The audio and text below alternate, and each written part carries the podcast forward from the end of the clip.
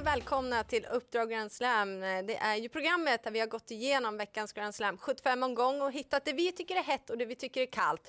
Peter är inte speciellt lik Sandra, men du har blivit en stabil ersättare i programmet. Ja, man gör ju vad man kan ju, men det är ju extra spännande att det är jackpot också. 4,4 miljoner fördelat i alla tre potterna, alltså 7, 6 och 5 rättspotten. Mm, det var väldigt svårlöst den förra Grand Slam 75-omgången. Vi får se hur det blir nu då när vi kommer besöka Vaggeryd. Så är det. Vi ska ner till Vaggeryd, vi ska till Småland. En bana som är väldigt normal faktiskt. Det är 200 meter långt upplopp och eh, det är inga konstigheter så. Det är en trevlig bana att besöka. Det finns en hel del utrymmen att liksom Liksom ha picknick i och hänga i grönområdena. Det är skönt. Ja, det är bara att instämma. Där har vi förutsättningarna. Då är det dags att köra igång veckans heta.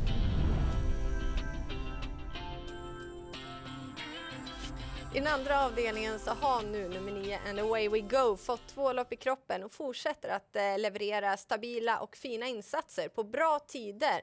Och tränare Christian Persson, ja, han vet ju hur man tränar fram riktiga vinnartyper och kusken Viktor Roslöf, ja, han känns ju trygg att lita på i detta ungdomslopp. Rick Ebbinge är en framgångsrik tränare. Nu har han fått in ett nyförvärv i den tredje avdelningen, nummer 11, Neo Turbo, som han körde i tidigare regi. Han eh, tycker om hästen väldigt mycket. Han kan en hel del. Han är både stark och han är snabb. Eh, Rick ligger lite lågt så här inför första starten. Det har inte gått på räls i, i träningen. De har fått lägga om den under våren och så vidare. Men jag tycker ändå hästen är så pass bra i grunden att man ska ta med honom på lappen eh, redan i första starten. En här som verkligen ser ut att vara bra i grunden också. Det är den femte avdelningen, nummer sex, Jebo Smart. Han är väldigt lätt att fastna för, för det ser ut att vara en sån där skön typ av häst.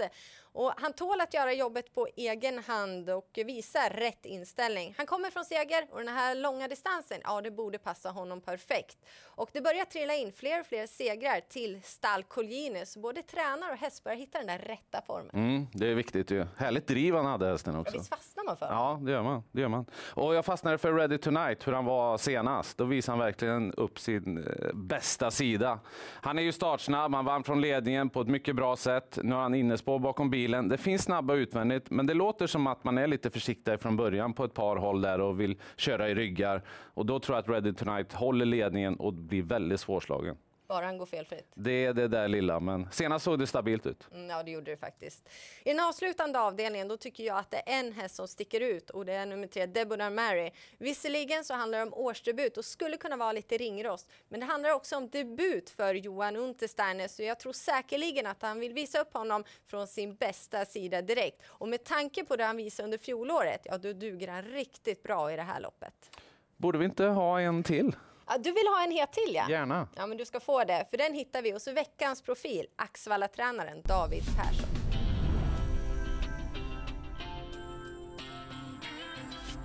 Vi börjar med tre Ice Cream In som var så nära på att galoppera senast. Berätta lite om loppet eh, som jag gör.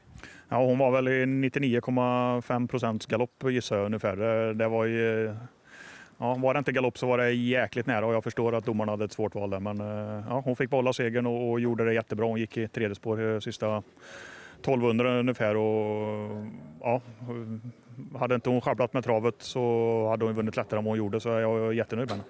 Hur är det med travet nu inför Vaggeryd? Nej, men det är all, aldrig lätt att, att sia om hennes, uh, hur hon är för dagen. Men uh, hon, uh, hon känns bra hemma i alla fall så det, det kommer nog vara något liknande som sist.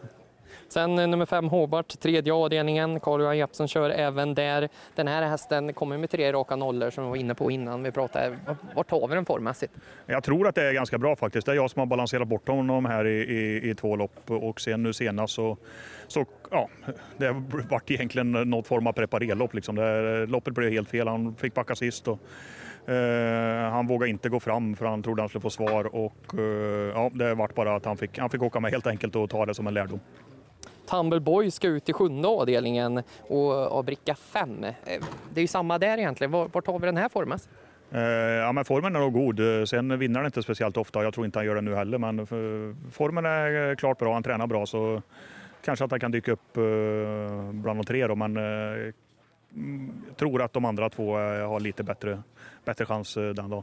Gör du några förändringar på någon av de här tre som eh, de borde känna till spelarna? Ja, men absolut. Eh, Ice Cream ska gå med jänkarvagn för första gången. Jag tror att det kan hjälpa henne ganska mycket. Och eh, Hobart ska gå med skor runt om, vilket han eh, gjorde när han gick som bäst. Så mm, ja, det är väl positiva förändringar, hoppas och tror jag.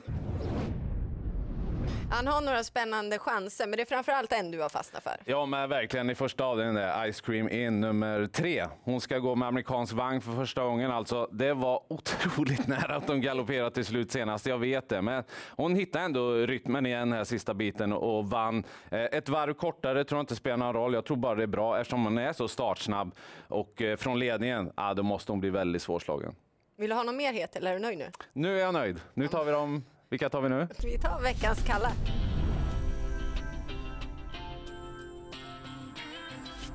I den tredje avdelningen så hade nummer 10 Kronwich Star en riktigt bra säsong som treåring och blir intressant att följa i år. Men nu återkommer han efter skada. Han har lottats till ett bakspår. Han ska tävla i vanlig sulky troligtvis och dessutom så är det första gången över långdistans. Så den här gången kan man inte ställa några krav och jag vågar inte tro allt för mycket på honom.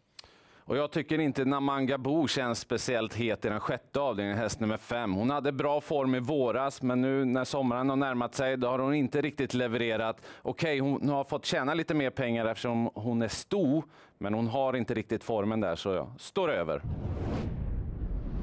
Då ska vi sammanfatta det hela och eh, vilken häst väljer du att lyfta fram? Ja, men jag tycker inte man behöver krångla till det i den första avdelningen. Ice Cream In. Hon är väldigt snarsnabb. Det låter kanon från David Persson, tränaren, och det är första amerikansk vagn. Så att, eh, var modig, spika i första.